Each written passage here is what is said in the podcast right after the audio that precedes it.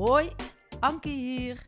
Weet alles over stilstaan en trotse eigenaar van de Academie Ontlaat. Fijn dat je er bent. En in deze podcast ga je leren stilstaan. Je gaat ontlaten. Want wie ben je eigenlijk en klopt het wat je aan het doen bent? Doe je de dingen waar je blij van wordt? Ervaar je rust? En dan niet alleen in het weekend of tijdens vakanties. Dit vraagt om oefening, stilte en aandacht. En ik daag jou uit om jouw veilige routines vaarwel te zeggen. Op afstand naar jezelf te kijken. En ik gun je alles wat je voorheen als vanzelfsprekend hebt beschouwd, opnieuw te bevragen.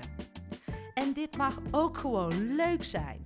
Met humor, een lekkere combi van twee benen op de grond en spiritualiteit. En het enige wat ik van jou vraag is het geven van een dikke ja aan jezelf. Want de enige die dat kan, dat ben jij.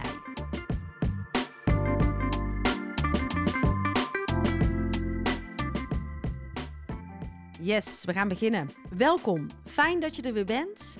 Heel fijn uh, dat je weer luistert. En deze keer staat er een prachtig interview klaar met Arie Boomsma. En het is het laatste interview uh, van uh, seizoen 5. En dan ga ik ook even lekker met reces en dan ben ik er in februari weer. En mocht jij mijn gast willen zijn voor seizoen 6, of uh, heb je iemand in gedachten waarvan jij denkt, nou, die persoon moet samen met Ankie in gesprek. Dat is fantastisch. Die wil ik graag horen. Ik ben nieuwsgierig naar uh, diegene. Laat het me dan vooral weten. Wil je meer informatie hierover, alle verdere ins en outs, vind je op mijn website www.ankievansteen.nl. Dus ik ging naar Amsterdam, naar de Vondel Gym Zuid. En ik had daar echt een heel prachtig gesprek met Ari. Was fijn, uh, voelde heel relaxed, ontspannen. We konden het echt over alles hebben. Uh, leuke raakvlakken, leuke nieuwe inzichten ook gehoord. Maar voordat we naar uh, Ari gaan, wil ik toch graag even iets met jullie delen. Want uh, Stilstaan met Ankie is een podcastkanaal met een missie. Noem het mijn zielsmissie. Ik kan uh, niks anders dan dit maken. En als we dingen anders willen, als ik iets in beweging wil zetten, als ik die ripple wil, dan mag ik het niet gewoon gaan doen, maar ongewoon gaan doen. En wat ik dus voor me zie, is een nieuwskanaal of een radiokanaal, maar dan veel meer passend bij deze tijd voor vertrouwen, positiviteit, hoop, uh, echt weer die hartsconnectie, dus veel minder hoofd en veel meer hart. Een podcastkanaal waarin we veel meer leren stilstaan. Want ik zeg altijd: stilstaan is eigenlijk kijken naar jouw eigen beweging. Een podcastkanaal waarin we vanuit zingeving weer met elkaar gaan vertrekken, samen gaan bouwen aan een betere wereld. En hoe mooi is het als de leiders in ons weer mogen opstaan, want in iedereen zit een leider. En dat vertrouwen, die nog onzichtbare potentie in ons, dat verborgen goud, die power, die wil ik zo graag teruggeven. Dus zie mijn podcastkanaal als een nieuwe vorm van nieuws, een nieuwe vorm van radio, waarin we weer mogen leren om te vertragen, naar binnen te gaan, af te stemmen dat fundament in ons weer stevig weg te zetten. En daar wil ik dolgraag aan bijdragen met dit podcastkanaal. En ik zei het al, als ik het anders wil, dan mag ik het niet gewoon gaan doen, maar ongewoon gaan doen. Dus ik droom ervan dat Stilstaan met Ankie het uh, allergrootste onafhankelijke podcastkanaal van Nederland en België wordt. En dat wil ik zo graag op eigen kracht blijven doen. Samen met jullie, samen met mijn gasten, samen met jullie, mijn luisteraars. Dat wij samen deze podcast gaan dragen. Vanuit een gedeeld geloof, vanuit gedeelde waarden en echt vanuit dat hart dat je deze voelt om hieraan te willen bijdragen en dit groter te maken. Want dan ontstaat in mijn ogen pas echt die ripple en de echte beweging. Nou, hoe zie ik dat dan voor me? Daar zijn vijf woorden voor nodig: delen, doorgeven, doorvertellen, doneren en doen. En als jij deze voelt, dan mag je dat gevoel volgen, want dat zijn hartsverbindingen en hartsconnecties. En dan ontstaat de echte beweging en de echte ripple. En dan mag je gaan naar mijn website www.ankievansteen.nl en daar staat uh, hoe je kan bijdragen. En met jouw bijdrage kan ik stilstaan met Ankie, uh, laten groeien, kan ik een prachtig team om mij heen uh, creëren. En ik voel ook zo sterk dat deze podcast gratis mag blijven, omdat ik zoveel mogelijk mensen wil bereiken. Dus ja, lieve jij, jouw bijdrage, hoe dan ook, is welkom en van betekenis. En daarmee kan ik die zielsmissie nog meer uit gaan dragen. Dankjewel. En nu door naar Ari.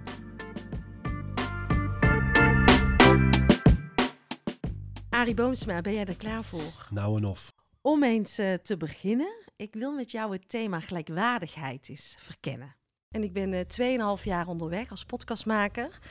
En in het begin dacht ik, ja, met BN'ers in gesprek, wauw, op een voetstuk plaatsen. Allemaal ego-dingetjes kwamen in mezelf naar boven. Maar um, ik vind het eigenlijk veel fijner. Dan heb je al meteen voor mij een ongelijkwaardigheid als ik iemand anders op een, op een voetstuk plaats. En dan creëer ik die ook nog volledig zelf, want dat ligt helemaal niet aan de ander. En ik vind het gewoon fijn om jou te mogen ontmoeten als mens. En ook een gesprek met jou te hebben van hart tot hart. En ik merk dus bij mezelf dat ik steeds meer daarin kan zakken en vanuit dat hart die podcast kan maken. En ja, dat voelt gewoon heel fijn. Dus uh, dank je wel dat wij hier mogen zijn. Ja, leuk dat jullie er zijn. En, en ja, hoe kijk jij daar zelf naar? Hoe, hoe zie je dat zelf? Kijk, allereerst is dat wat je beschrijft natuurlijk iets waar vooral andere mensen mee bezig zijn. Ja.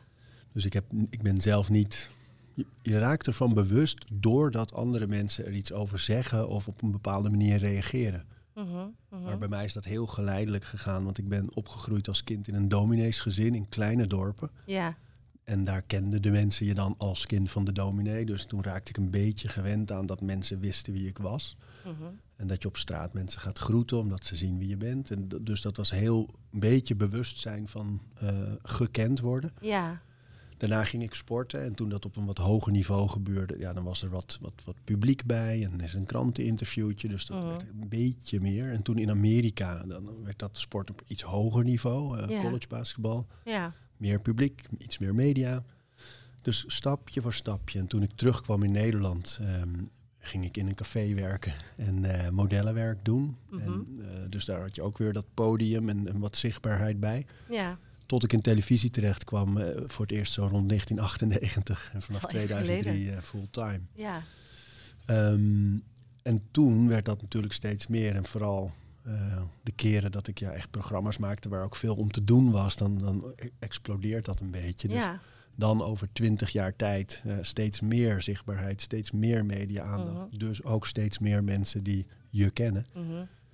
En, ehm, maar dat is dus eigenlijk heel geleidelijk gegaan. Dus Ja. jaren, ook toen ik net begon, eh, dat mensen zo kijken op straat. en Waar ken ik je ook Ja. van? Ja. Ja. Of het nou van de markt is of van tv, dat weten ze dan helemaal niet. ja. En, en eh, dus dat, ja, op een gegeven moment is het gewoon zo. En dan wordt het belangrijker er een mening over te vormen van hoe ga ik er mee om met mijn kinderen bijvoorbeeld. Ja, snap ik. Ja. Dus dan mijn vrouw en ik hebben de regel, we zetten onze kinderen nooit zichtbaar op onze media. Mhm, mhm. Of herkenbaar in ieder geval. Ja. Ehm, we- ik stop op straat niet voor een foto als mijn kinderen erbij zijn. Nee. Eh, dat- zijn dan meer de afwegingen. Mhm. En, ehm, en deze jaren ben ik meer bezig met die zichtbaarheid terugdraaien. Dus ik, ik zeg eigenlijk nee tegen grote programma's als Kamp van Koningsbrugge of wat mooie programma's zijn. maar Zeker, ik zit ja. niet nu dit stadium van mijn carrière te wachten op dat soort zichtbaarheid. Nee, dat snap ik. Dus, dus dat zijn nu meer de afwegingen. Maar verder, eh, ja, het, het, zegt natuurlijk ook helemaal niks. En in dit land is bijna iedereen wel ergens een beetje bekend van. Ja. Of heeft socials. Of, eh, dus ja, het, je hebt er niks aan. Het, het zegt niks. Het is niet zoveel waard. En tegelijk is het een factor waar je wel gedwongen wordt een beetje rekening mee te houden. Ja, dat herken ik. En het is voor mij ook wel met het podcast maken dat je daar ook steeds meer in groeit. Maar wat ik zelf dus gewoon, dat is gewoon iets wat ik ook zelf geleerd heb om daar dus anders naar te kijken. En dat het ook gewoon mensen zijn. Nou, sterker nog, kijk, ik denk dat daar zit wel een uitdaging. Wat, wat je bijvoorbeeld op socials wel eens merkt, dat mensen dat deel vergeten. Ja, Dus dat iemand die bekend is ook gewoon nog een persoon is Ja. met een gevoel. ja exact. En eh, je ziet wel eens echt snoeiharde dingen. Of als je kijkt bijvoorbeeld onder die accounts van de Kardashians, weet je, op dat Mm, niveau. mm. hoe hard mensen kunnen Ja. zijn. Omdat je, Ja. je bent dan een soort poppetje, een, een- soort fictief persoon. Mhm. En, en daar zit wel, ik denk dat het alleen maar mooi is als je probeert altijd, ongeacht van bekendheid, maar dat je altijd probeert iemand Contact. van hart tot hart Ja, te ontmoeten. ja. En echt contact te maken. Ja, Ook bij de kassa. weet ja je wel. zeker. Absoluut. Ehm, en dat vergeten veel mensen. Dus het, het kijken naar mensen van, oh ja, je bent een persoon met een leven en je eigen onzekerheden Mhm. en je eigen verdriet. En, Ja. je, en je eigen woede en je eigen eh, alles. Dan wordt het interessant. veel breder gaan kijken naar elkaar. En eh, het is zo makkelijk om meteen het ergens in een hokje BN'er te zetten. En daar dan een label op te plakken. Ja. En ik vind het gewoon fijn om breder te gaan kijken. En ik zou de luisteraars daar ook voor uit willen nodigen. Om elkaar echt weer te gaan ontmoeten. Ja, ja, Toch? mooi. Nou, ik eh, had ook een aantal vragen voor mijn luisteraars. Ik zeg, wat zou je nou willen vragen aan... eh, of dat was mijn vraag aan de luisteraar. Wat zou je willen vragen aan Arie? En toen kwam toch met enige regelmaat de vraag... Waar is de overstap gekomen van echt in tv-land bezig zijn... naar wat je nu doet? Kan je ons eens meenemen? Jazeker, ja. Kijk, sport speelt mijn hele leven al echt een grote rol. Mhm. Dus eh, als kind was het zoals veel kinderen gewoon voetbal, basketbal later, weet je, verenigingsleven. Mhm. En met het basketbal in Amerika, waar ik op mijn zestiende naartoe gegaan ben, eh, toen kwam krachtsport erbij en fitness. Mhm. Ehm, en dat is nooit meer weggegaan. Dus vanaf mijn veertiende, inmiddels dus eh, ruim 34 jaar, ben ik daar al mee bezig. Ehm, dus dat heeft, is altijd daar geweest. En dat Ja. is voor mij altijd een factor geworden van oké, daar. eh, het is mijn therapie, het is mijn ontwikkeling, het is mijn uitdaging, het is mijn meditatie, het is al die dingen. Het is mijn metafoor voor hoe ik leef, met doelen stellen en ergens doorheen. eh, Sterker worden, ontwikkelen. Mhm. Ehm, maar ik heb altijd wel een beetje onbewust gekeken naar eh, sportscholen en studio's. Van wat vind ik mooi, wat vind ik goed, wat vind ik sterk, wat vind ik niet goed. Ja. Alleen pas zo rond 2012 denk ik dat ik met de gedachte ging van ik zou het fijn vinden om ooit zelf een plek te hebben. Want ik trainde bij een sportschool. Ik ging wel eens crossfitten bij een box. Ik ging boksen bij een bokschool. Ik ging yoga bij een yogastudio Mhm. doen. Mhm. En ik ging wel eens met vrienden het park in. Ja. Dus mijn idee was, laat ik kijken of ik een plek kan maken waar al die dingen samenkomen. En vanuit het gevoel dat je een vereniging hebt waar mensen elkaar zien en kennen en waar de kwaliteit goed is. En verbinding. Ja. Alleen toen maakte ik zes, zeven programma's tv per Mhm. jaar. Mhm. Ehm, dus ik wist ook, ik kan niet dat alleen van de grond krijgen. Zo'n onderneming is heel veel en heel hard werken. Ja, En, eh, dus, dus dat, dat was een belangrijke overweging van als ik dat wil, dan moet ik mensen betrekken die me daarmee kunnen helpen. Of die dingen kunnen doen waar ik zelf niet zo goed in ben, bijvoorbeeld. Ja. En eh, toen ben ik locaties gaan bekijken, mensen gaan verzamelen. En daar gingen best weer wat jaren overheen. En toen uiteindelijk zo rond 2014 dacht ik, nou heb ik een groep ondernemers samen waarmee ik dit kan doen. Mhm. Mhm. En dan gaan we een gym openen die alleen maar voor onszelf is en onze vrienden en gelijkgestemden. Laat het misschien in Amsterdam eens 800 mensen zijn. Ja. En dan kunnen we winst draaien en eh, dan komt het goed. Zo begon het. Mhm. Crossfit, kickboksen, yoga, hardlopen, gewoon fitness. En fitness dan nog weer in groepslessen ook. Eh, maar die was binnen een half jaar vol. En toen moesten we een wachtlijst op een gegeven moment. En eh, toen dachten we, wacht even, dit is dus een concept eigenlijk wat meer mensen aanspreekt. Ja. Dus toen gingen we nadenken over een tweede. En toen maakte ik nog fulltime tv, eh, zes, zeven programma's per jaar. En het zijn lange dagen. Ik was veel op reis ervoor. En ik merkte, hoe meer ik op reis was, dan zagen mijn collega's hier dat, oh, hij is op vakantie of zo, of hij is er niet. Mhm. Ehm, en als ik terugkwam, dan lag er dus veel meer werk. Ik merkte ook dat hoe meer ik hier was, hoe meer we groeiden, hoe beter het ging. Hoe minder ik er was, dan merkte je het ook. Ja. En, ehm, en er kwam bij dat ik eh, kinderen kreeg. En ehm, bij de eerste was ik nog veel aan het reizen. Was ik soms wel maanden achter elkaar. Was ik elke maand twee weken weg. Dus ik had het gevoel, ik wil eigenlijk nu veel thuis zijn voor de, die eerste Ja. jaren van mijn kinderen. Heel mooi. En ik ben juist heel veel weg. Mhm. En dan ben ik weg en dan ben ik op zo'n reis nog aan het teksten en aan het bellen voor mijn bedrijf. Om dat gaande te houden en overleg te hebben. Mhm. Dus er kwam steeds meer een conflict tussen dat televisiewerk, waar ik altijd heel erg van genoten heb, en mijn bedrijf en het Ja. ondernemen. Ja. Dus op een gegeven moment ging ik steeds meer weghalen van tv. Ging ik bijvoorbeeld zeggen, grenzeloos verliefd. Eh, ik kan niet meer mee op reis. Eh, laat mij maar alleen de Nederlandse dagen doen en dan spreek ik het nog wel in. Weet je, Mhm, dat soort mhm. constructies. Ja, wat voor kleine. Ja, maar dat, dat werkt Nee, natuurlijk helemaal niet. Dus. En al snel merkte ik gewoon televisie, 20 jaar gedaan, mooie dingen mogen maken, eh, trots op, Ja. veel van genoten. Ja. Maar ik vind het ondernemen zo leuk, het bouwen, het nieuw creëren, een team verzamelen, mensen helpen in hun ontwikkeling. Ja, fantastisch. En dan de kinderen thuis, waar wij zoveel mogelijk de zorg verdelen. Dus Mhm. die twee factoren zorgden er gewoon voor dat ik op een gegeven moment de knoop heb doorgehakt. Dan moet ik stoppen met tv. Mhm.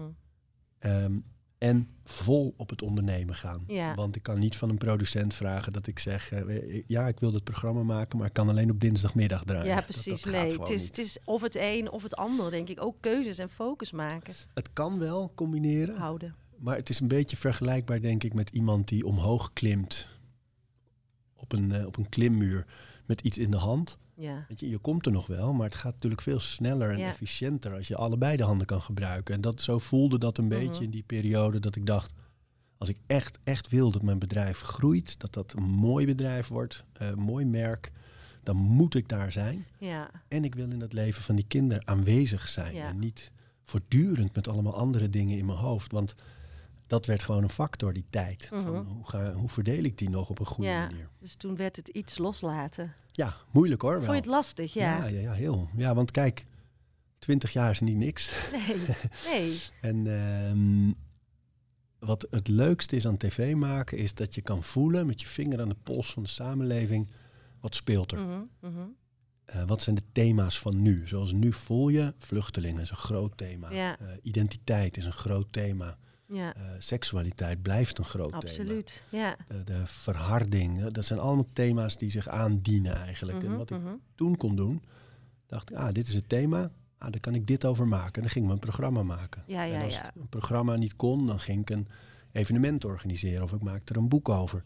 Dus ik had altijd heel veel mogelijkheden om met zo'n thema aan de slag te gaan. Ja. Ja. En televisie is de grootste impact natuurlijk. Ja. Dus als mooi. dat wegvalt, ja, dan heb je die- met die thema's zit je, hoe gaan we dat nu dan doen? En heb je daar nu opnieuw je weg in kunnen vinden? Ja, ja. Nog steeds denk ik wel eens hoor. Van een hele mooie. Ik heb nu bijvoorbeeld een, een docu-idee. ehm, dat, dat gaat dan met name over vlees eten. Mhm. En of het grote probleem, van, los van milieu en dierenwelzijn en zo, maar of het grote probleem bij vlees qua gezondheid niet is dat de bio-industrie en het bewerkte een probleem is, maar Mhm. mooi vlees van dieren die rondgelopen Ja. en gras hebben gegeten, minder misschien. Dat, daar zit een thema waar ik zelf veel mee bezig ben, Mhm. waarvan ik denk, daar zou ik wel een docu over willen maken. Maar ehm, verder niet. Ik, ik had ook in toenemende mate moeite met de dynamiek van tv. Ja. Ja. Dat je, als je een idee hebt, aan moet kloppen. En dan moet het naar een manager en een netcoördinator. En dan krijg je een tijdstip. Ja, En dan krijg je een periode. En, en dat vond ik steeds moeilijker, die politiek. Mhm. En wat ik moeilijk vind, is dat je in televisie in een soort competitiegevoel geduwd wordt. Ja. Over cijfers en eh, wat scoort. Krijg je een tweede seizoen Ja. of niet? ja. En die Legt ook ik, druk eh, op, denk ik. Ja, maar het is ook een hele ongezonde sfeer. Mhm. Dus, ehm, en ik merk nu nog wel eens, nu denk ik, ja, ik heb toch heel bewust afstand genomen van tv. Als het dan ergens in een programma of zo over me gaat, denk ik, jongens, hou op. Ik, ben- ik ben daar niet meer. Ja, ja, ik wil ja. niet met jullie spelletjes meedoen en jullie Nee. geroddel. En Nee. blijf van me af. Laat mij lekker mijn eigen dingen doen en op positieve dingen concentreren. Ja. En, maar dat is natuurlijk lastig. Je kan iets zelf achterlaten, maar je blijft die bekendheid eh, hebben. En, eh, en door de geschiedenis van mijn programma's eh, is, zijn de meningen scherp. Dus de Mhm. lof is groot, Ja. maar de, kri- de kritiek of de haat of, Is ook groot. is ook groot. Ja. Dus zijn uitersten en die blijven bestaan. Dus je Mhm. kan niet zeggen, ik stop met tv en, hou, en houden jullie nu allemaal op met ook daar iets van te vinden. Want ik ben daar niet meer. Maar zo Nee. werkt het niet. Maar hoe werk jij hier doorheen? Want ehm, heel veel mensen en luisteraars hebben gewoon last van meningen van andere mensen. Ja. En ik kan me niet voorstellen dat het bij jou niks doet. En ik zag ook een mooi interview van jou met Kelly Wekers. Ja. Die zei van je moet gewoon op een gegeven moment de keuze maken. Ik stop hiermee. Maar ehm, hoe heb jij jezelf hier doorheen gewerkt? Kijk, het raakt altijd. Ja. En er zijn een paar factoren die spelen, denk ik. Dan, in mijn geval, als je zo'n lange geschiedenis hebt op een gegeven moment aan dat mensen nou eenmaal iets vinden van wat je doet of wie je Mhm, bent, mhm. Ehm, dan wen je wel iets meer daaraan al. Dus Ja. dat, dat, daar begint het al Ja. mee. Van er is gewoon zoals met alles, als je iets een lange tijd meemaakt, dan leer je daar hoe dan ook mee omgaan. Mhm. Dat is één. En het tweede is dat het bij mij altijd zo is geweest van als er nu bijvoorbeeld iets geroepen wordt ergens, eh, dan, dan vraag ik me af, is dit iemand die autoriteit is op de gebieden waar ik me mee Ja. bezig hou, gezondheid, sport? Ja. Als het antwoord nee is, ja, dan kan ik me er niet druk over maken. Mm. Is het iemand die ik bewonder of die ik om advies zou vragen? Als het antwoord nee is, ja, dan kan ik me er niet druk om maken. Ja. En dan is het inderdaad wel echt zo dat als je besluit er gewoon niet op te reageren, dan Mhm. bestaat het al snel niet meer. Dus als ik nu bij Vandaag in Site, of hoe het programma nu maar heet, het, het roddelprogramma van Johan Derksen, Oh ja. ehm, als ik daar nu over tafel ga, ja, er is geen vriend of kennis meer die nog een sms'je stuurt van hé, hey, ze hadden het al. Niemand. Nee, dat dus is het bijna bestaat niet. lachwekkend. Het bestaat niet. Nee. Het Nee. bestaat pas als mensen ernaar vragen, eh, in de media of zo, van wil je reageren op? Mhm. En als je dat niet doet, dan is het er eigenlijk Nee. niet. Nee, ik fascineer me wel eens van. ehm, het is zo makkelijk om over een ander te oordelen. En ik zei het net al, dat hokje eromheen te zetten.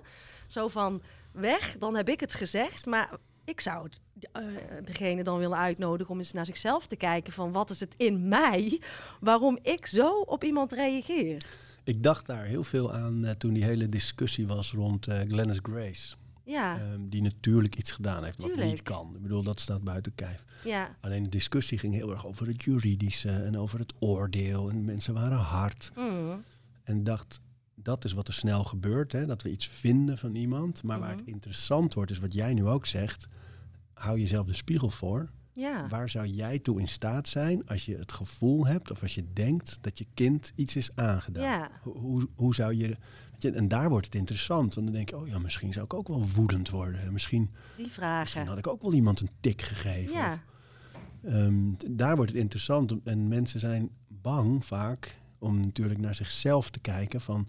Wat is mijn aandeel? Hoe zou ik hiermee omgaan? Hoe... En Ja.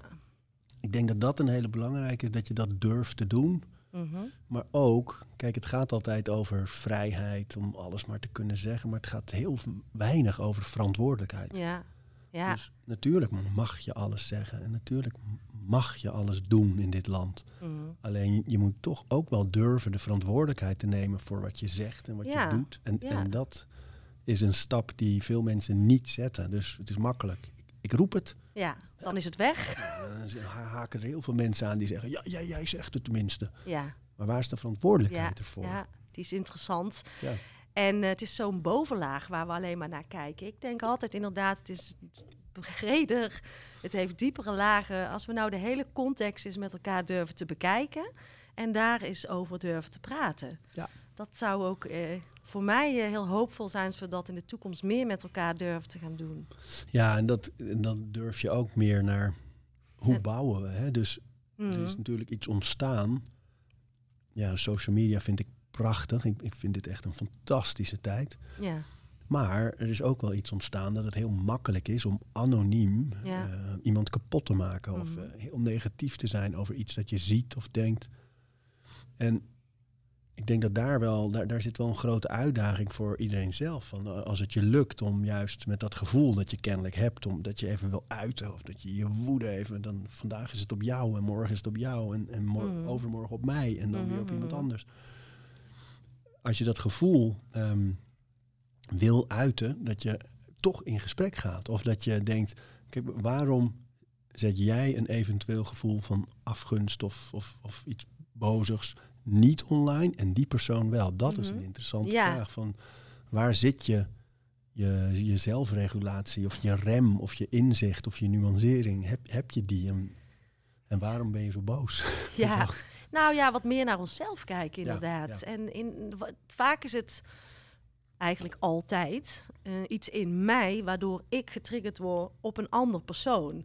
En dan kan ik dus meteen bij jou neerleggen of eerst eens even een stap achteruit en met mezelf te raden gaan. En Ja. eh, laten we dat vooral proberen meer te doen. Ik vind het heel leuk als ik merk, wat ik natuurlijk net zo goed ook wel eens heb, dat ik, als ik merk dat ik eh, Als je een beetje negatievig ben, of, Ja. eh, of, of, of bij een bepaalde post van iemand denk, wow, wauw, weet je, met een beetje een lichte afgunst ja, wat we allemaal hebben, denk ik. Maar als je dan, dan dwing ik mezelf soms om heel positief te reageren. Ja, Dus om, ja. om echt een compliment te geven en hartjes en fistbumps en noem het allemaal maar ja, op. ja, En dan merk je hoe je brein geconditioneerd is. Want op het moment dat je dat doet, ontstaat er ook iets positiefs. Mhm. Dus dan gaat die afgunst of dat negatieve gevoel gaat ook weg. Dat je, ja, dat je jezelf niet vergelijkt voortdurend met wat anderen hebben en anderen doen. En dat Ja. je realiseert dat hoe het leven van een ander loopt... helemaal niets afdoet aan jouw eigen succes of Ja. aan je eigen ontwikkeling. Nou, dat is een super mooie tip. En Charlie Lonois, Ramon, die had dat ook in zijn boek geschreven. Van als je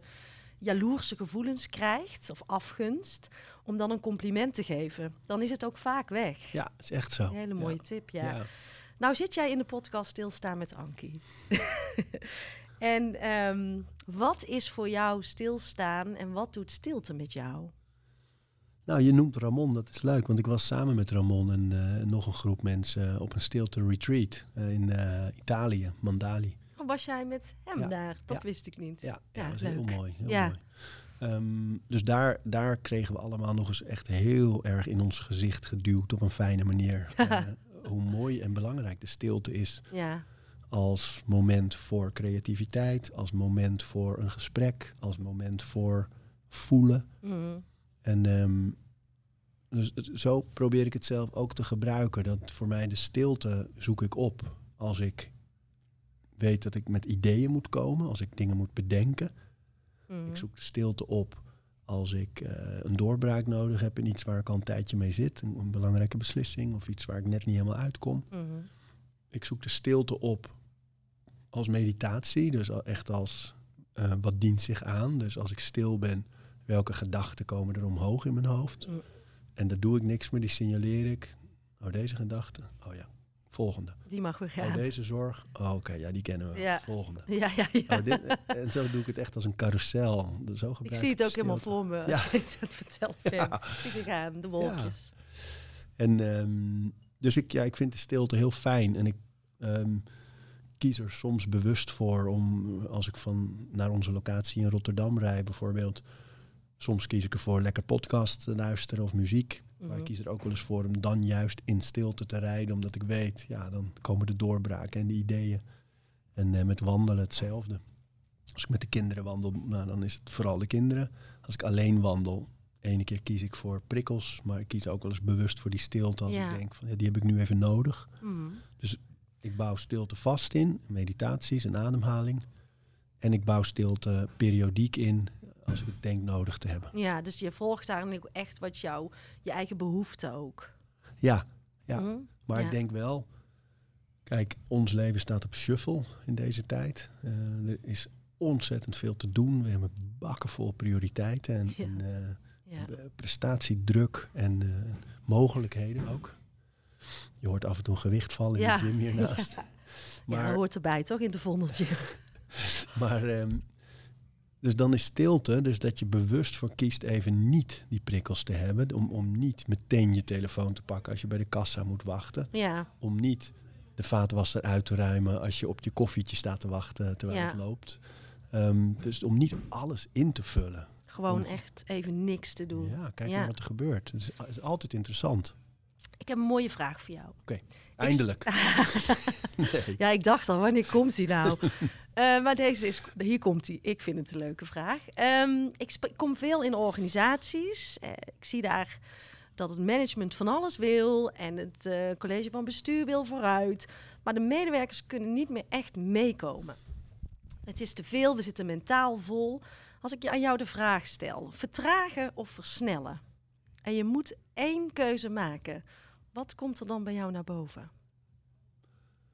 Nou, rationeel natuurlijk vertragen. Hè. Dan, in, in vertraging neem je meer weloverwogen beslissingen. Mhm, Alleen versnellen is ook interessant hoor. mhm. Want dan ga je, moet je op gevoel. Ja, neem ons maar eens mee. Ja. Dus eh, bijvoorbeeld hier bij de gym, hè, dat is altijd sprake van. eh, het is mijn taak als eigenaar en oprichter om te zorgen dat de mensen die met ons werken, zo'n 170 mensen, Mhm. dat die allemaal een eigen ontwikkeling doormaken. Dat die zelf perspectieven hebben. En dat ik weet wat hun ambities zijn en hun dromen en hoe ik daarbij kan helpen. Dus mijn taak alleen maar dat. Ik- Mhm. ik- mijn taak is het dat wie hier traint en wie hier werkt, ontwikkelt. Ja, dat wil jij faciliteren. Ja. Mhm. Dus dan, dan kan ik op het moment dat ik denk, ah, versnellen, dan moet ik op gevoel. Dan, dan, eh, wat voel ik? Gaan. Ja. En dat kan heel interessant zijn. Alleen het moeilijke in een organisatie is dat je, je kan niet gewoon maar zeggen, ik voel het, dus daar gaan we. Ja. Dus dan is vertraging noodzakelijk om uit te leggen, om visie te laten zien in plaats van alleen maar op tafel te leggen. Mhm. En wat dat betreft is, is het net als opvoeding eigenlijk van mijn kinderen doen niet wat ik zeg, Nee, maar ze doen wel wat ik doe. ja. En om dat te doen, dan is versnellen wordt gevaarlijk. Als je, als je te snel vooruit loopt, verlies je mensen Ja, gewoon. ja, waar we nu denk ik best wel op bij veel organisaties zitten. Ze kunnen niet meer bijbenen. Het is te vol. Dus jij zegt gewoon zoek ook die vertraging op en vooral ook die verbinding. En ben het juist een voorbeeld. Is dat wat je zegt? Ja, en ook, kijk, op het moment dat je, als jouw mensen niet meer begrijpen waar je heen gaat, dan Mm. leun je dus volledig op vertrouwen. Mhm. Dus als je volgelingen hebt in een bedrijf, wat Mm. natuurlijk vaak zo Mm. is, in een angstcultuur bijvoorbeeld, dan kan je zeggen, we gaan daar naartoe. En iedereen gaat mee, want jij weet het. Ja, Maar dat is helemaal geen gezonde situatie natuurlijk. Nee. Plus, dat vertrouwen is er meestal niet. nee. Maar als je zegt, we gaan vertragen. Ik ga goed uitleggen wat we doen. We gaan het voelen, we gaan het ervaren. Maar ik ga vooral faciliteren, zodat, zodat jij jouw visie binnen dit bedrijf kan ontwikkelen. Mhm. Ja, dan, dan heb je iets. Dan is er sprake van iets concreets. En dan, dan respecteer je mensen ook. Want ik denk, het voorbeeld dat je schetst gaat vaak over niet gezien worden, niet gehoord worden, niet begrepen. Van jullie volgen maar gewoon, Ja. gaan daarheen Ja. en rammen nou. Ja, dus echt die aan. Kijk, ik denk dat de wereld sowieso versnelt en doorgaat. Ja. Maar dat we daar binnen veel meer vertraging, aansluiting, ook die veilige voedingsbodem. Ik, ik proef heel vaak dat de cultuur niet veilig is. En dat Ja, mensen zich ja, ja. dus niet uit durven te spreken, het niet snappen, zich niet uitspreken. Ja. Herken Ja, maar dat? ik denk wel, je hebt Seth Godin, hè, die, die marketing eh, guru. Mhm. Ehm, die heeft het altijd over just ship it. Gewoon get it out there. Als je een idee hebt. Ja, En we wachten natuurlijk ook heel vaak, we vertragen heel vaak tot het juiste moment. Van als ik fit ben, word ik lid van een gym. ja. Als ik eh, op vakantie kan, dan ga ik dat boek schrijven. Mhm. Als ik genoeg geld heb, begin ik die onderneming. Als ik, weet je, wachten op het perfecte moment. En die vertraging is funest voor ondernemers, Ja, denk ik. ja. En dat voor- denk ik ook. Voor persoonlijke ontwikkeling misschien ook wel. Van liever dan versnellen en gewoon, oké, je hebt een idee, ren ermee, gooi het de markt op, Ja, pas het aan waar nodig op het moment dat het er is. Maar eh, gewoon lekker doen, stappen zetten en- Ja. en, vooruit blijven en gaan. ook durven te spelen. Ja, Ja, ik ga heel even Anouk inbellen. Ja. Anouk van Geels, mijn eh, personal trainer. En als het goed is, eh, zit zij nog op ons te wachten. We zijn een klein beetje vertraagd. kijk, vertraging. Ga je al. Precies, dat is ook goed hè, dat wij even vertragen. Maar niet voor Anouk. nee, Anouk moet je niet laten wachten. Nee hoor, geintje Anouk. En Anouk en ik hebben het natuurlijk tijdens onze trainingen vaak over de podcastgasten. En eh, ja, zij wilde jou wel een vraag stellen. Nou, volgens mij moet die eh, zo overgaan. Als ze over- Hoi met Anouk. Hey Anouk. Hier- Hallo, Hoi, hier ben ik. En eh Arie zit tegenover mij. Hallo Anouk. wat leuk. Hallo. Dus eh, voel je vrij eh, om even jouw vraag aan Arie te stellen. En gewoon even lekker met hem in gesprek te gaan. Nou, wat leuk. Ehm, weet Ariel een beetje ja, wie ik ben of nog niet? Ik Nou, weet dat je trainer bent. En meer niet. Misschien wel. Vertel het, vertel het. Ehm, ik ben Anouk en eh, ja, ik ben personal trainer, zoals Ankie misschien al verteld heeft. En Ankie die traint al een tijdje bij mij, dus eigenlijk superleuk. Dus vandaar dat we elkaar ook kennen. En toen zij mij ging vertellen dat ze met jou een podcast op ging nemen, was ik eigenlijk al helemaal enthousiast. Dus ik was eigenlijk heel benieuwd. Wat betekent spiritualiteit nou echt voor jou? Dus wat zegt dat voor jou en hoe pas jij het toe eigenlijk? In de sport bedoel je dan Anouk? Ja, ja, ik doe in de sport. Dus echt in combinatie met ja, spiritualiteit en sport. Want in principe kun je dat best wel ja, met elkaar toepassen. Dus ik was eigenlijk benieuwd hoe jij dat eigenlijk doet. Ja, want ik vind spiritualiteit meestal dus dat je erkent dat er dingen zijn die je niet begrijpt, maar die er wel zijn. Mhm. En dat je daar ook waarde aan hecht. Dus ehm, dit kan in de breedste zin van een geloof tot astrologie, tot dat je waarde hecht aan bepaalde tekeningen, tekenen en symbolen. Of, of dingen die je niet begrijpt en kent eigenlijk. Maar in de Mhm. sport, kijk, dat wordt voor mij spiritueel op het moment dat je erkent dat sport niet gaat over grote biceps en bikinilichamen, maar over je schild eh, eh, tegen vallen, eh, tegen virussen, noem maar op. En dat je ook inziet dat, dat ehm, het traject dat bij sport hoort, dus het feit dat je een doel stelt, dat je daar naartoe traint, dat het soms moeilijk wordt en dat je daar dan doorheen moet, ehm, dat vind ik een hele spirituele weg eigenlijk. Of, eh, of na een training, als ik echt een zware training heb gehad, ga ik vaak op de grond liggen voor ademhalingsoefeningen. En dan is mijn vaste routine naast het ademen om eh, dankbaar te zijn. En dan zeg ik letterlijk, vaak zelfs hardop, eh, wat fijn dat, dat ik dit kan. Wat ben ik dankbaar dat mijn lichaam dit weer gedaan heeft. Ehm, en daar wordt het ook spiritueel. Dat ik merk dat momenten die zwaar zijn, als ik dan met zo'n positieve gedachte kom, of als ik heel diep in een conditietraining zit en ik glimlach in plaats van grimas, ehm, Ja. dan merk ik dat die kracht, die positieve kracht, echt iets doet.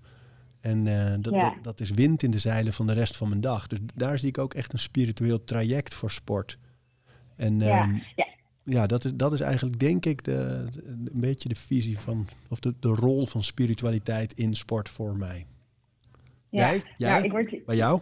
Ja, nou, ik, ik, ik sluit me hier wel een beetje bij aan, want ik word hier gelijk enthousiast van. En als er iets is wat ik zelf interessant vind als ik aan het trainen ben of een zware training heb, dan is het inderdaad de weg die ik afleg. Dus eigenlijk alle mentale dingetjes die erbij komen kijken. En hoe ga ik daar dan als, ja, als het ware mee om en hoe voel ik me daarna? En eigenlijk ben ik zelf ook altijd super blij en dankbaar dat mijn lijf het doet, dat ik het doe en ja, met wat ik gedaan heb.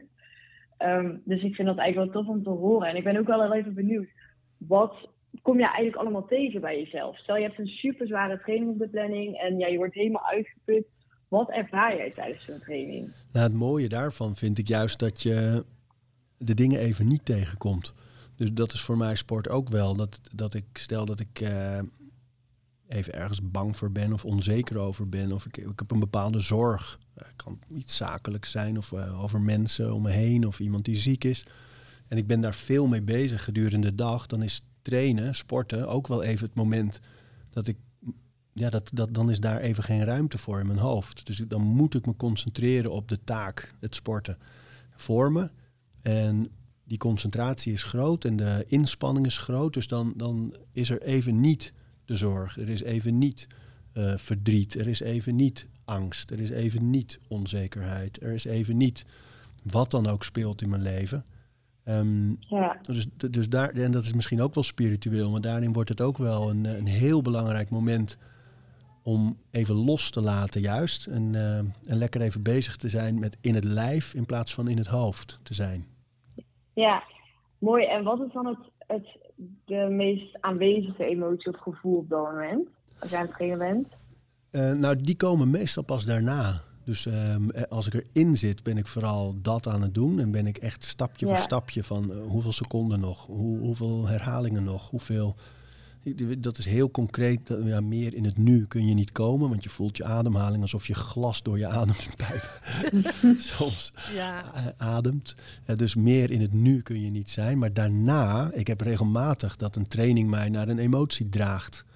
Dus dat ik als, Ja. ik, als ik verdrietig ben ergens over en ik, en ik ga echt diep, dan kan ik daarna soms best wel ineens huilen. Of, eh, of, als, of als ik heel kwaad ben ergens over en, eh, en ik ga trainen, dan tijdens die training is het er niet, maar daarna komt het soms des te heftiger. En dat vind ik eigenlijk een hele mooie brug, omdat ja, de ruimte voor die emotie moet er wel zijn. En, ehm, en, die, en die creëer ik soms ook door sport. Ja. Als ik de hele Ja. dag doorga met van alles en afspraken en dingen die ik ook moet doen, en dan duw je zo'n emotie soms weg. Maar sport haalt eigenlijk je, je masker weg en je, je handschoenen naar beneden, om het in bokstermen te zeggen. Je, weet je, je schild is weg. Je, je bent helemaal kaal en naakt eigenlijk als je, als je echt hard traint.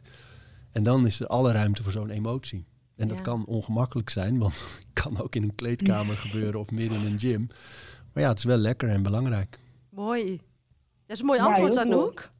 Jazeker. Ja, Nou, ik leuke moet vraag. dat ik het ook, ook herken, ook gewoon überhaupt bij klanten natuurlijk. Als je met klanten traint of ikzelf, dan, dan zie je echt iemand. En dan Gaan de je af. vaak pas echt ja, wat er in iemand omgaat. Dus ik vind dat wel heel mooi. Leuk. Ja. ja. Goed, Cool. ik eh, weet dat jij door moet, dat jij eh, jouw volgende klant eh, dadelijk hebt. Ik Ja. wens jou eh, heel veel succes en eh, Ja, heel erg bedankt. ik meld me dinsdag weer om 7 uur s ochtends. Kijk. Hey, leuk je te spreken, Anouk. Dankjewel, ja, dankjewel Anouk. voor je antwoord. Ja, Doei. Doei, bye bye. Ja, eigenlijk zeg, eigenlijk zeg je dat wel mooi. Nou, samen net echt, hè? Op welk nummer start je in? Het is eh, doorvoelen, zeg jij. Ik, eh, hoor ik eh, emoties doorvoelen. Doet sport met jou. Het is ook wel helend. Ja. En de maskers gaan af. En ik herken dat ook wel. Ik voel me heel kwetsbaar soms tijdens het sporten. En dat is ook waarom ik zo'n fijn contact heb met Anouk. Omdat ik voel dat dat daar ook lekker mag zijn. En dat is wat jij beschrijft, ervaar ik ook wel. Ja, mooi. Ja. Dan ehm, zien we jou natuurlijk, net als vanochtend, heerlijk in jouw ijsbad zitten. En je woont op een eh, prachtig mooie plek in een buitengebied. Met jouw paden en eh, een prachtige ruimte waar je woont. Ehm, hoe kijk jij naar eh, delen en mensen inspireren? En dat waar ik echt zelf mee puzzel is, verlam ik daarmee mensen niet?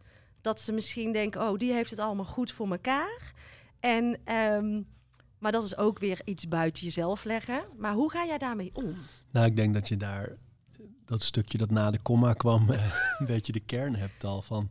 Je hebt daar eigenlijk geen invloed op, hè? Nee. Want voordat je, ja, voordat je je- leven zo gaat aanpassen om maar anderen niet een bepaald idee of een bepaald gevoel over je te geven, eh, dan ben je eigenlijk op andermans agenda aan het leven en Ja. helemaal aan het aanpassen naar de verwachtingen van anderen. Terwijl, dat, ja, dat wil, wil ik niet. Ik wil, eh, ik wil rekening houden met andere mensen en Ja. empathisch zijn. Ja, Maar ik wil niet ehm, maar ook gewoon zijn. buigen naar omdat jij vindt dat ik moet het dan maar doen. Weet je wel? Dat, Ja, dus ik heb, eh, nee, ik vind dat, ik heb dat altijd in alles wat ik doe altijd. Je kan, eh, als je bijvoorbeeld een boek maakt, kan je vooraf af gaan vragen. Wat willen de mensen lezen? Mm, Dan ga ik dat maken. Kijk, Ja. en dat is waarschijnlijk zakelijk interessant, mm. maar geeft mij in ieder geval geen voldoening. Nee, nee. Maar als ik denk van wat wil ik echt graag vertellen? Waar ben ik van overtuigd dat mensen er iets aan hebben? Ja. Dat wil ik maken. Vanuit jouw hart. Ja. Ja, En dan werk ik echt. En dat Ja. vind ik daarmee ook van... Kijk, ik kan bij elke, elk beeld dat ik laat zien van, van hebben het droomhuis en, en de boerderij en de, en de dieren en de kinderen. Bij elk beeld kan ik zeggen, ja, maar ik heb hier heel hard voor gewerkt. Heel veel jaren, Ja. zes, zeven Ja. dagen in de week, jarenlang mhm. ehm, sparen en, en, en, en Ja. Dat- Als een soort verantwoording. Mm, ja. Maar ik kan ook gewoon zeggen van ik, ik, ik ga nooit, nou ja, wat je soms ook ziet, eh, alle dingen die ik heb heel erg eh, benadrukken. Hè? Nee. Eh, nee, je ziet bij mij bijvoorbeeld in huis, ja, we hebben geen gekke dure televisies of sound Nee, systems. Maar of, het is eh, gewoon zuiver volgens mij. Eh, Heel veel mensen zijn geneigd om vanuit een soort gebrek. En dat heeft ook met die gelijkwaardigheid te maken. Om vanuit gebrek naar de ander te kijken. Maar ehm, ik vind het gewoon fijn om naar de ander vanuit gunnen te kijken. En vanuit een soort van overvloedsgedachte. Ja. En dat jij daar ook gewoon hard voor werkt. En dan nog, eh, ik zou zeggen, geniet ervan. En ik kijk wanneer ik zin heb of jij in een ijsbad zit. Ja of nee, toch? Nou, het is grappig. Want Kijk, je, je, je schetst natuurlijk met je socials uiteindelijk wel een beeld. Ja, Dus- dat snap ik. Ik bedoel, als ik nu op TikTok heb ik bijvoorbeeld best veel video's achter elkaar van het ijsbad. Mhm. Dus als iemand mij alleen maar op TikTok volgt, dan kunnen ze denken, die zit hele dagen in een ijsbad. Want Ja. die zien niet eh, mijn werk, die Nee. zien niet mijn ondernemingen, die zien niet de zorg voor de kinderen, die zien niet het eh, verzorgen van de dieren, het, eh, het erf op orde houden, de Mhm. bedrijven. Dat zien ze allemaal niet. Dus je bent die jongen die altijd in het ijsbad zit. Dus als ik dat zie, denken we, eh, wanneer ga je werken? Weet je? Ja, dat is denk ik eh, voor ons als consument een heel belangrijk inzicht. Dat wat je ziet niet het complete plaatje is. Nooit, bij nee. niemand. Dan komen we weer terug op dat eh, breder kijken. Ja. En ik, ik wil wel even het bruggetje maken ook naar jouw prachtige boek. eh, Trainen voor het leven. En jij, wil, jij zegt, ik ga niet voor de consument schrijven, maar iets echt vanuit mijn hart wil ik iets schrijven. En daar schrijf jij ook heel mooi in van zoek gerust uw grenzen op. Ja. En dat doe je, toch? Ja, dat ja. vraag je ook van de... Van Ja. de- vertel eens. Nou, dat is, kijk, dat boek is helemaal geboren vanuit de gedachte dat mijn ou- eigen ouders nu 80 zijn. En op die leeftijd merk je dat dingen moeilijker worden. Dus het wordt moeilijker om op te staan vanaf een bank. Het wordt moeilijker om je boodschappentassen te tillen, om een kleinkind op te tillen, Mhm, mhm. om je veters te strikken. Ja. je bent banger om te vallen, je evenwicht is minder goed. Dus vanuit die gedachte ben ik dat boek gaan maken eh, om aan te reiken van de dingen die je nodig hebt voor het alledaagse leven kun je trainen. Je, kan, je hoeft niet zo oud mogelijk te worden, maar je moet wel zo goed mogelijk oud worden. Ja, Mee blijven draaien, mee kunnen doen. En de- de- zo begon dat. Maar de reden dat die quote erin staat van zoek gerust uw grenzen op, is dat ik merk dat we oude mensen vaak aan de kant schuiven. Zeggen van nou, je hebt je rol gespeeld, ga maar nu ergens wegteren in een tehuis, Mhm. in je eentje, eh, Mhm. los van de samenleving.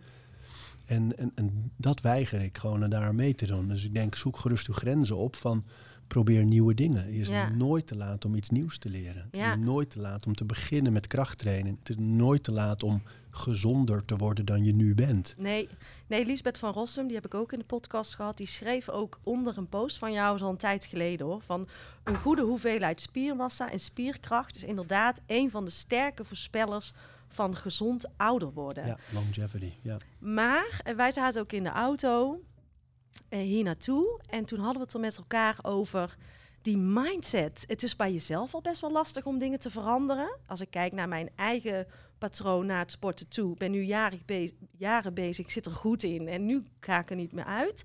Maar voor oudere mensen is dit lastig. ja, kijk, twee dingen daarover. Van wij allemaal kunnen ons misschien beter afvragen waarom train je? Mhm, Want een topsporter gaat trainen voor een competitie, een wedstrijd, een prestatie. mhm, mhm. Wij vragen ons dat niet meer af. Terwijl als je kijkt naar je leven, van hoe leef je Ja. en, en hoe kan sport, wat je ook kiest, hè, welke discipline je ook Ja. kiest, hoe kan sport dat leven optimaal ondersteunen? Dus, dus laat je sport in dienst staan van je leven. dus, Mhm. dus wat je traint is wat je nodig hebt. Zit je veel? Aha. Heb je veel meer energie nodig? Aha. Heb je kleine kinderen? Aha. Dat zijn allemaal redenen om te trainen. Daar begint het mee. En kijk, voor oudere mensen is er een functionaliteit van die komen uit een generatie die veel meer bewoog. Wij zitten nu meer dan acht uur per dag Ja, stil. zo bedoel je. Ja, ja, ja. De grondkwaliteit is minder goed. Mhm. Er is meer stress, meer afleiding. De luchtkwaliteit is minder goed. En dus die enorme inactiviteit.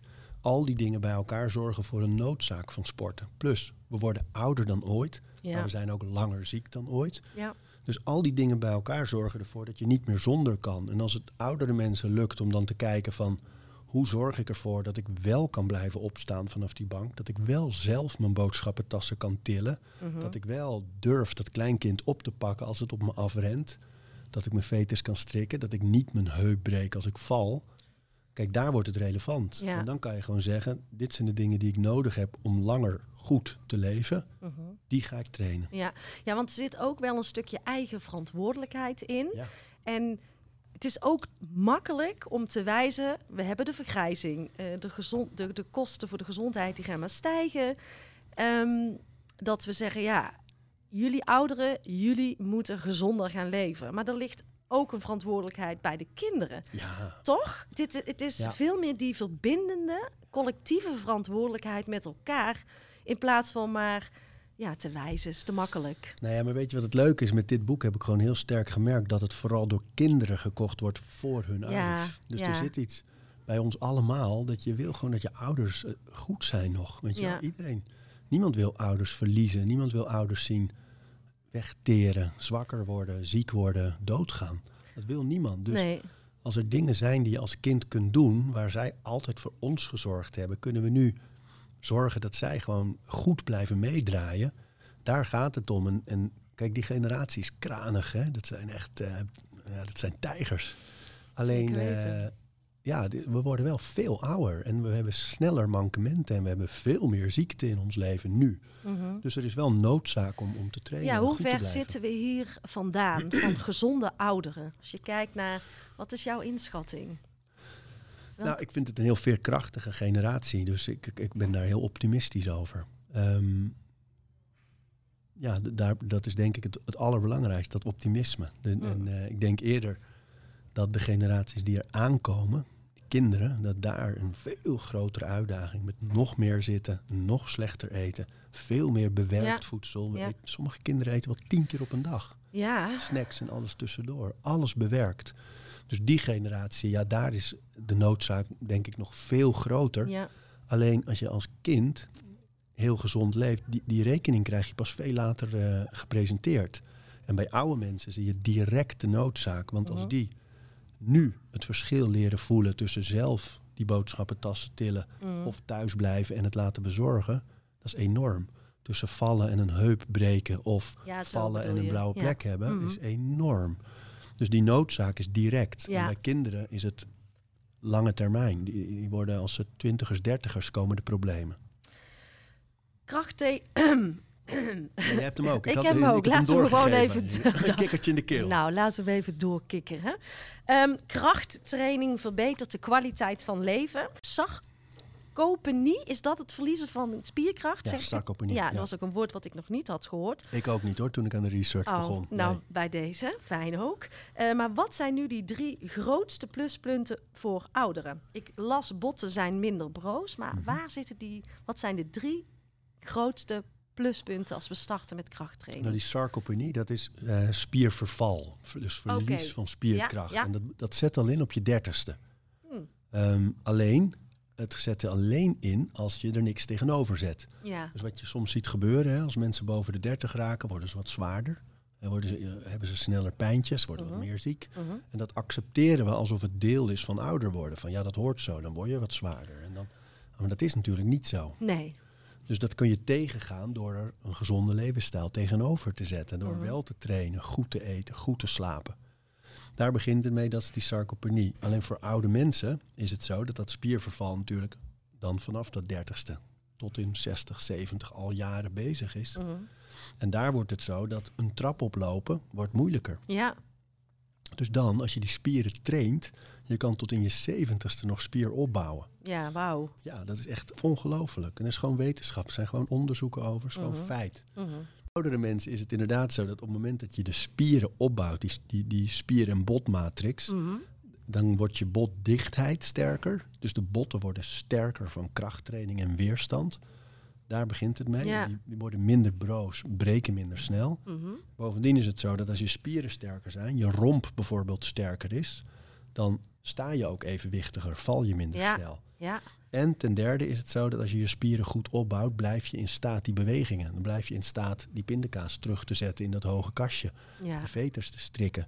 eh, op te staan vanaf die bank. eh, die boodschappentassen of die koffer van die bagageband rukken op Schiphol. Mhm. Mhm. Die bewegingen waar, die voor ons vanzelfsprekend zijn. Je hebt mensen op leeftijd die bang zijn als ze bij een verkeerslicht staan en ze drukken en hij springt op groen. Die zijn bang dat ze niet op tijd de overkant halen bij het zebrapad. Mhm. Dus, en dat heeft allemaal met spier en met explosiviteit te maken. Dus Ja, al die dingen zijn te trainen. Dus daar wordt het voor oudere mensen heel relevant. ja. En, en veel minder hulpbehoevend. En dat is, want je had het over vergrijzing, dat is uiteindelijk waar het over gaat. Ja. Als, als het zo doorgaat als nu. We hebben het nu over de druk op de zorg gehad, hè, een Ja. paar jaar. ja. Nou ja, als je kijkt met die vergrijzing en zoveel ziekte eh, Mhm. en zoveel mankementen. We worden veel ouder. We- die druk die wordt onmogelijk op te vangen. Ja, Dat, ja. dat gaat niet meer. Dus gaan mensen zonder zorg oud worden. En dat is echt een probleem. Ja, ja, daarin hebben we wat te doen, allemaal. Ja, En niet alleen de ouderen, maar ook de kinderen. ja joh. Je hebt ehm, ook prachtige kinderen, ik ook.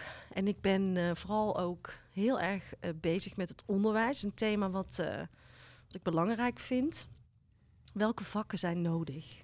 Nou, ik zou het heel mooi papa. vinden als eh, lichamelijke oefening meer ruimte krijgt weer. Hè. In plaats van in veel scholen is het nu één, misschien twee keer in de week. Mhm. Maar eigenlijk zou dat natuurlijk gewoon elke dag moeten, al is het maar een half uurtje. Ja, Ehm, en ik zou het mooi vinden als de educatie over voeding. ja. Dus dat er nu gewoon kinderen een leven instappen, eigenlijk een volwassen leven instappen, zonder kennis van voeding. Oh ja. Dus wat is gezond? Eh, wa- wat is vers? Wat is bewerkt? Wat Ja. doet suiker met je? Ja, Ehm, die kennis, dat, dat dat er is, of waar komt broccoli vandaan? Eh, ho- hoe ziet boerenkool eruit als het nog niet in een zak zit? ja, Eh, Ja. Melk, ja, weet je wel? Dat die kennis, dat daar aandacht voor komt. En eh, dat je gewoon echt meekrijgt op school hoe je gezond moet leven. ja. Ik denk Ja. dat dat twee dingen zijn die heel erg missen nu. Dus de aandacht voor beweging, Mhm. De aandacht voor voeding. Mentale weerbaarheid? Dat was de derde eigenlijk van, moet je voorstellen wat er gebeurt als je kinderen op die leeftijd al eh, leert omgaan met stress, eh, met druk. Eh, wat, wat kun je doen om je minder onder druk gezet te voelen? Mhm, mhm. Hoe ga je om met groepsdruk? Ja, Weet je wel, die dingen waar we allemaal mee te maken krijgen. Als je dat aan kinderen al mee kunt geven. Misschien wel simpele meditaties al leert doen. ja, ja. Gesprekken voeren. En, eh, dat, ja, dat is zo waardevol. Ik denk dat die drie dingen zou Ja. mooi zijn. En het gebeurt soms al, hè? Jij wel, het gebeurt zeker op plek. En ik zie dat het ook wel in ontwikkeling is. Maar het mag een soort katalysator, een versneller krijgen. En ik zou er dan ook wel aan toe willen voegen, veel meer leren om je intuïtie te volgen. Veel meer vanuit je hart te leven dan in dat hoofd te Ja. zitten. Dus ja, ik, ik zie wel een mooie school van de toekomst eh, ontstaan. En ja, ik vind het wel hoopvol, maar het duurt lang. Maar het is ook moeilijk, hè? Van, Ja, ik interviewde laatst voor mijn eigen podcast een jongen... ehm, die was zelf op zijn vijftiende van school gegaan. Is die naar de circusschool gegaan. mooi toch? en eh, zijn ouders hadden dat heel erg omarmd. Ja, Die hadden meteen gezegd: hey, wat mooi dat je hier, dat je vol ergens voor gaat. Go for it. En hij had zelf hetzelfde meegemaakt. Zijn dochter van 15, eh, die wilde niet meer naar school. En toen heeft hij gezegd: Oké, losgelaten, ga maar op gevoel. ja, En dat vertrouwen is natuurlijk heel moeilijk Ja, als ouder. Want ja. je denkt: als jij die stappen zet en die opleidingen doet, dan komt het wel goed. Maar dat is jouw wens en niet die van dat kind misschien. Nee. Dus daar zit wel natuurlijk iets heel moeilijks ook. Ja, zeker. Intuïtie. Ja, ja, ja. Maar daarop wel meer leren te vertrouwen. Ik, ehm, ik hoop dat we, en dat zijn we volgens mij aan het doen, die verschuiving aan het maken. Hoe oud zijn jouw kinderen? Eh, mijn eh, dochter is 13 en mijn zoon is 9. Wat zou je doen als je dochter nu zegt, weet je wat, ik ga, eh, ik ga reizen een paar jaar. Nou, eh, nu op de 13e Ja. zou ik lastig vinden. Zeilmeisje zij, eh, Laura, of wat was dat? Oh, ja, dat is lang geleden. Maar ik zou, wij hebben haar wel bewust, eh, zij kon naar het VWO, maar we hebben haar wel naar de HAVO laten gaan. Ook wel goed met haar over gesproken, omdat we merkten dat dat al wat druk oplegde. En dat we haar ruimte wilden geven om te spelen en te ontdekken en haar eigen nieuwsgierigheid achterna te gaan. Maar dan kom je dus in het schoolsysteem. Nee, zij moet, dan word je echt drie keer gebeld. Van je moet voor het hoogst haalbare gaan, dat doe je toch? Dan moesten we ons bijna verdedigen. Toen heeft zij uiteindelijk de keuze gemaakt. En toen kwam er omgeving van de vriendinnen.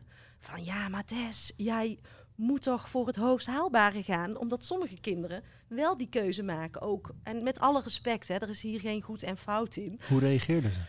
Nou, dat vond ze lastig. eh, om, om, om haar eigen pad te, de koers te varen. Want ze kwam tegen allerlei mechanismes, liep ze aan. Maar we merken wel aan haar, sinds zij deze keuze heeft gemaakt... er staat een, een piano binnen. Ze is heerlijk aan het knutselen. Ze volgt gewoon wel echt... Ze heeft ruimte om te, om te spelen. Leuk, ja, goed. Ja, maar eh, die prestatiemaatschappij... En waarom moet je altijd kiezen voor het hoogst haalbare? Ja. Nou ja, ik heb daar niet het antwoord op. Ik denk, ik denk dat het heel...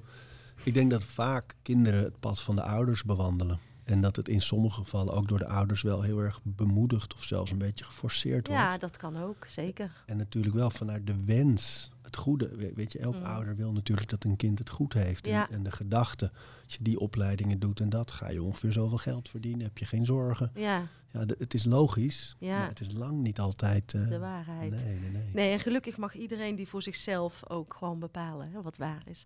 Ik wil nog even naar een thema met jou, eh, schaamte in de sportschool. Want dat kwam me ook, er was ook een vraag die eh, iemand inbracht van hoe kan je jezelf prettig voelen in een sportschool zonder mooi lijf? En ik herken het wel een beetje. Ik ben nu, denk ik, een jaar of vijf, zes intensief aan het sporten. Maar ik ben geen onzeker persoon. Ik loop overal binnen. Maar ook ik vond de eerste stap in een sportschool lastig. Want er zaten allemaal mechanismes in mijn hoofd. Maar welke dan? Welke mechanismes? Ja. De anderen zijn beter. Eh, ik kom hier binnen, ik snap zo'n apparaat niet. Gewoon heel veel onzekerheid van het niet wetende. Maar dat is interessant, hè? Want dat is. Mensen denken als ze ergens binnenstappen dat de rest een groep is. Ja, En Ja. het is natuurlijk niet zo. Helemaal niet in een sportschool vaak, waar juist heel veel individuen lopen met precies diezelfde onzekerheden. Ja. En, ja. en we denken dan als we daar binnenlopen, oh, maar jullie weten het allemaal al. En jullie kennen elkaar allemaal. En jullie zijn al sterk of fit. En eh, ja, het is eigenlijk heel logisch dat dat een onzekere plek is. Mhm. Maar ik denk wel dat een van de dingen die kan helpen, is allereerst altijd een plek te kiezen waar je eh, thuis voelt. ja. Dus waar je mensen ziet zoals jij. Mhm, mhm. Ehm, zodat je een beetje al uit dat gevoel stapt. ja, eh, waar je welkom geheten wordt en je welkom voelt. ja, Maar ook dat je meer gaat kijken naar wat kan mijn lichaam in plaats van hoe zie ik eruit. Ja, Eh, dus dat, ik, ik vind zelf een van de mooiste dingen aan sport en trainen is dat je nieuwe dingen leert. Dat ik op mijn handen kan lopen, weet je wel. Dat ja. kon ik niet eerder. En, eh, en dus wat kan mijn lichaam? Waar is mijn lichaam toe in staat? En dan maakt gewicht en, en, en vorm helemaal niks meer uit. Want Nee, jouw lichaam kan dingen leren die het eerder niet kon. En, en ik denk dat daar een hele mooie brug is naar eh, niet met anderen vergelijken, maar vergelijk jezelf met jou. Ja. Van waar, waar was je twee maanden geleden? ja, Waar was je vorig jaar? Wat, Ja. wat kan je nu dat je toen niet kon? En dat, dat is een hele leuke exercitie. Nou, en ook iedereen heeft die onzekerheden, wat Tuurlijk. jij zegt. Het is niet zo dat de mensen die al wat getrainder zijn, dit pad niet hebben bewandeld. Nee. Ik denk dat ze je juist onwijs verwelkomen en stimuleren om, om binnen te stappen. Ja, nou ja, en de mens is ook hard, weet je wel. Het is ook, ja, het is toch vaak ook een beetje de schoolpleindynamiek. Van, eh, weet je, als, als jij iets minder goed kan, eh, dan zijn er toch ook altijd mensen die daarom zullen grinniken. Ja, dat is helaas wel waarmee Ja, je te maken hebt. Ja. Alleen, ik denk wel dat je plekken uit kunt kiezen eh, waar ze het waarderen dat je er bent. Als, als hier bijvoorbeeld iemand die heel zwaar is binnenkomt, ja, dan sta ik te juichen. Van, van wat, wat goed dat je nu aan de slag gaat. weet ja. Kom maar. welkom. Ja, Ja, als iemand aanklopt en zegt, ik wil sterker worden. Ja, man, goed zo. kom maar. En ik zag een mooie post ook. eh, jouw dochter liep door de modder. Of wat was je zoon? Ik weet het even niet. Volgens mij je dochter. Ja, de jongste Juniper. En eh, de obstacle, is the way, schreef jij daarbij. maar we blijven dit toch wel zien als lastig en gedoe. ja, Maar ja, ja, zonder er door die pijn heen te gaan, is er ook geen groei, toch? nee, dat is echt... Ik denk, als je zelf naar je leven kijkt... alle momenten dat je echt iets geleerd hebt... was altijd op de momenten die even lastig zijn geweest. Of Ja. waar pijn was, of verdriet, of, eh, of waar je heel erg bang voor was... en dat toch gedaan hebt. Ja, En dat, ja, zij liep gewoon door de modder. Dan heb je gewoon als ouder, ga je nu beslissen? Ga ik nu zeggen, nee, niet door die plas, want je kleren... Nee, ga maar. Ga maar lekker, Ja. weet je. Voel het maar. En als je het vervelend vindt natte kleren te hebben, dan doe je het de volgende keer waarschijnlijk niet. Maar The Obstacle is the Way is een boek van Ryan Holiday. En dat, dat gaat helemaal vanuit die gedachte dat het aangaan van de dingen die je lastig vindt, eh, de, de grootste groei veroorzaakt. Ja, eens. En tegen mij wordt vaak gezegd van...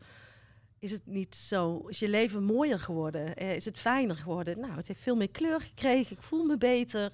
Is het altijd makkelijker? Nee. Maar ehm, het wordt toch nog vaak gezien als gedoe. Maar eh, ik ben ook voor hoor, om toch eens wat vaker eh, ervoor te gaan. Nou ja, kijk. eh, Ik denk als je het puur evolutionair bekijkt, dan leven we het liefst in de comfortzone natuurlijk. Mm. En, en we kiezen het liefst voor gemak. En we draaien het liefst de verwarming hoog als we het koud hebben. En we doen een jas aan als we naar buiten gaan. En we bestellen eten als we. Weet je, onze hele samenleving is erop geënt. Luxe, comfort, gemak. En dat is evolutionair bepaald. Van vroeger, als we gegeten hadden, gingen we rustig aan doen. Want je weet nooit wanneer de volgende maaltijd komt. Doseren, makkelijke weg kiezen. Dus dat, daar kun je niks tegen doen. Dus je Mm. moet er bewust iets tegenover zetten, wil je daaruit losbreken. En dan moet je je afvragen van ja, waarom zou je van als je, je waarom zou je in een ijsbad gaan zitten? Ja. En, eh, Dus, dus als je dan kan zeggen van ja, maar oké, af en toe dingen doen die ongemakkelijk zijn, dat kweekt karakter. Het zorgt ervoor dat ik eventueel ongemak in andere situaties aan kan. Mhm. Het zorgt er dat ik om kan gaan met stress, want ik stap er bewust in en ik leer er doorheen ademen. Ja, ja. Goed voor je immuunsysteem, goed voor je bloedsomloop, goed voor je huid. Maar het is vooral die assertiviteit van Mhm. ik zie ergens tegenop, ik doe het toch. En de Ja. voldoening daarna. En dat is ook ja. het gesprek met die collega waar je tegenop ziet. Of het uitmaken met die relatie waar je al maanden tegenaan hikt. Of een moeilijk gesprek voeren met een vriend of vriendin. En dat is allemaal hetzelfde gevoel. En dat kun je gewoon trainen door vaker in kleine situaties dat op te zoeken. Dan worden de grote situaties minder moeilijk. Ja, nou dat is een uitnodiging eh, voor jou, lieve luisteraar. Zoek eens één ding op vandaag wat voor jou lastig lijkt. En probeer daar eens eh, doorheen te gaan. Ja, En eens kijken wat dat met je doet. En eh, ik kijk ook even naar de tijd. Volgens mij hebben wij een heel mooi gesprek gehad, we zitten gewoon op exact een uur, joh. Exact een 56, uur. 57, 58, 59, boom. Ja, hebben wij alles gezegd? Nooit. Nee, dat is waar. Maar eh, ja, ik, ik ben blij met het gesprek. Leuk, en ik vond het dankbaar. gezellig. Leuk. Ik ook. Ja. En eh, een laatste vraag om mee af te ronden met de barbels op de achtergrond. Waar geniet jij het meest van en wat geeft voor jou het leven echt zin? Nou, dat is zonder enige twijfel eh, het zien van de kinderen en hun ontwikkeling en de manier waarop ze, als ze uit hun bed komen, rennen, ze rennen hun bed uit. Dus die dekens gaan eraf. Hoor je die voetjes? Voetjes, ja. Dat je een dag in rent, dat vind ik zo'n mooi symbool. Ja, En dan als je buiten bent of waar je ook bent, ze zien de meeste dingen voor het eerst. Ze zijn heel vers in het kijken, vers in het ervaren. Heel eerlijk in hun emoties. Als ze boos zijn, zijn ze boos. En als ze blij zijn, zijn ze heel blij. ja, En, en daar zit geen verhulling. En Nee. is allemaal heel puur en heel echt. En ehm, dus ja, dat te zien, de ontwikkeling van kinderen, de interactie van kinderen. Het feit dat mijn harde werken ook vooral is om een leven te creëren waarin zij mooi Tuurlijk. kunnen ontwikkelen. ja, mooi. Dat geeft me het meest voldoening. Ja, nou die eh, voel ik helemaal. Ik eh, ga jou bedanken. Jij ook. Dankjewel. Leuk. Heel leuk, dankjewel.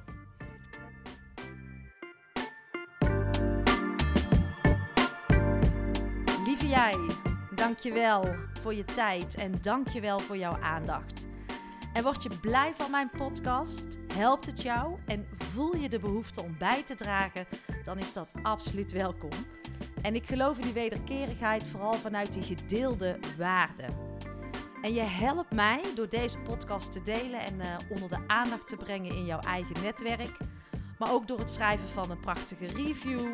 Eh, een financiële bijdrage wordt ook absoluut gewaardeerd. Heel fijn eh, zelfs. Of misschien wil jij of jouw organisatie instappen in de Ontlaatacademie. Wees welkom. In de show notes vind je meer hierover. Nou, fijn dat je er bent. Dank je wel. Tot de volgende podcast.